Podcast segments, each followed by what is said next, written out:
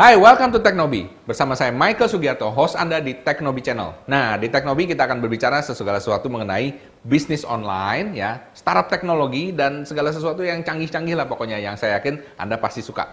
Nah, hari ini kita akan berbicara mengenai apakah bisnis online perlu modal. Nah, sebelum itu jangan lupa ya, subscribe dulu dan like video ini. Kemudian share kepada teman-teman yang mungkin aja punya pertanyaan yang sama, oke? Dan saya akan lanjut sesudah yang satu ini.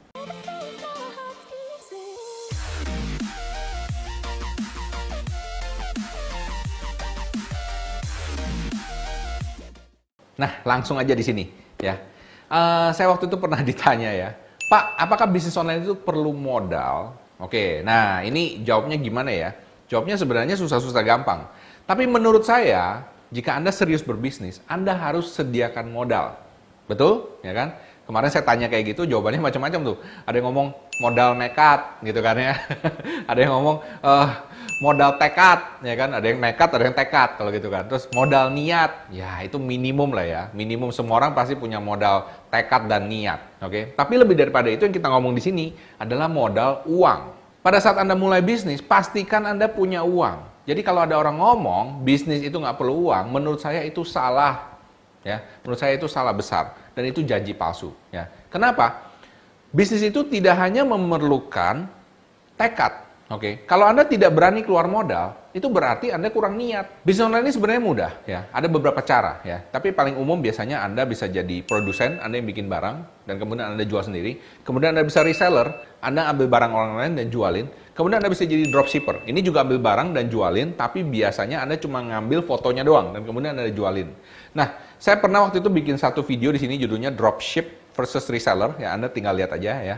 Nah, di situ saya ada salah ngomong sedikit sih, jujur ya. Uh, saya ngomong di situ dropship tidak perlu uang. Tapi sebenarnya masih perlu uang sedikit, ya, masih perlu uang sedikit. Minimum uangnya itu uh, Anda pakai untuk nalangin dulu. Jadi sebagai dropship biasanya Anda perlu nalangin dulu, ya. Misalnya gini, dropship yang paling awal dulu misalnya ya. Anda masuk ke sebuah toko, ini banyak sih.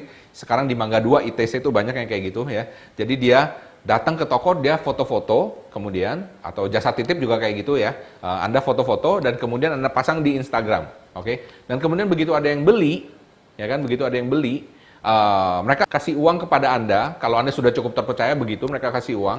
Atau misalnya anda taruh di Tokopedia atau taruh di, taruh di Bukalapak mereka akan bayar dulu ke Tokopedia Bukalapak. Nah masalahnya kalau di marketplace kan uangnya belum nyampe ke kalian oke? Okay? kalau uangnya belum nyampe ke kalian berarti anda harus beli dulu barangnya Oke, beli dulu barangnya dan dikirim. Oke, sesudah mereka terima baru uangnya dirilis oleh marketplace kepada kita. Oke, jadi biasanya seperti itu. Dan juga meskipun dropship, kadang-kadang Anda juga perlu modal. Modalnya apa? Anda perlu iklan, mungkin. Anda perlu endorse sedikit. Ya, perlu usaha sedikit lah. Jadi, nggak bisa juga cuma sebar-sebar link aja, ya kan? Anda harus melakukan sedikit usaha yang lebih niat, ya minimum Anda ngepush lah ya, uh, apa pasang iklan sedikit, oke, okay, supaya uh, segmen pasarnya yang dijangkau bisa lebih besar, oke. Okay? Nah itu menurut saya. Jadi apakah bisnis itu perlu modal? Menurut saya pasti perlu modal, pasti perlu modal uang. Nah itu aja dari sisi yang paling rendah dropshipper. Bagaimana kalau Anda seorang reseller? Nah seorang reseller Anda definitely harus perlu modal yang lebih besar karena Anda harus beli dulu barangnya, ya kan? Minimum beli selosin, dua losin, atau bahkan 100-200, atau bahkan ada beli sampai kontaineran. ya Misalnya Anda uh, ambil barang di China, ya kan Anda impor, ya kan itu belinya kontaineran, nggak bisa beli satu dua biji barang. oke okay? Bisa sih, tapi harganya biasanya jauh lebih mahal. Kalau Anda beli kontaineran, lebih bagus. Nah, kemudian ada pertanyaan lagi biasanya, Pak, kalau saya udah reseller, apakah saya bisa dropship? Oh, bisa aja, terserah. Nah, pertanyaannya kapan Anda dropship dan kapan Anda reseller? Jawabannya begini, anda bisa dropship dulu untuk ngetes market. Make sure ada yang mau beli barangnya. Make sure barang ini ada orang suka. Begitu Anda tahu ada marketnya, sudah terbukti dan orang suka, ya kan? Anda sekarang bisa beli dalam jumlah banyak. Bisa paham di sini ya? Jadi istilahnya kayak Anda beli contoh dulu, pasang dulu. Oke, ternyata ada orang suka nih mau beli dengan harga segini misalnya. Harganya sudah pas. Oh, Anda sekarang tahu bahwa ada orang suka dengan barang ini. Dan kemudian sesudah itu Anda bisa prediksi kira-kira demand-nya tinggi apa enggak. Kalau demandnya cukup tinggi, ya udah Anda beli lebih banyak dengan harga lebih murah. Segitu Anda bisa jadi reseller.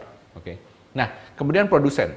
Produsen ini biasanya dari dulunya dia sudah bikin. Contohnya misalnya mereka ada produsen makanan, produsen fashion, produsen baju batik, baju muslim misalnya kayak gitu. Itu bisa, ya kan? Sepatu atau uh, apa tas misalnya kayak gitu. Mereka sudah produsen.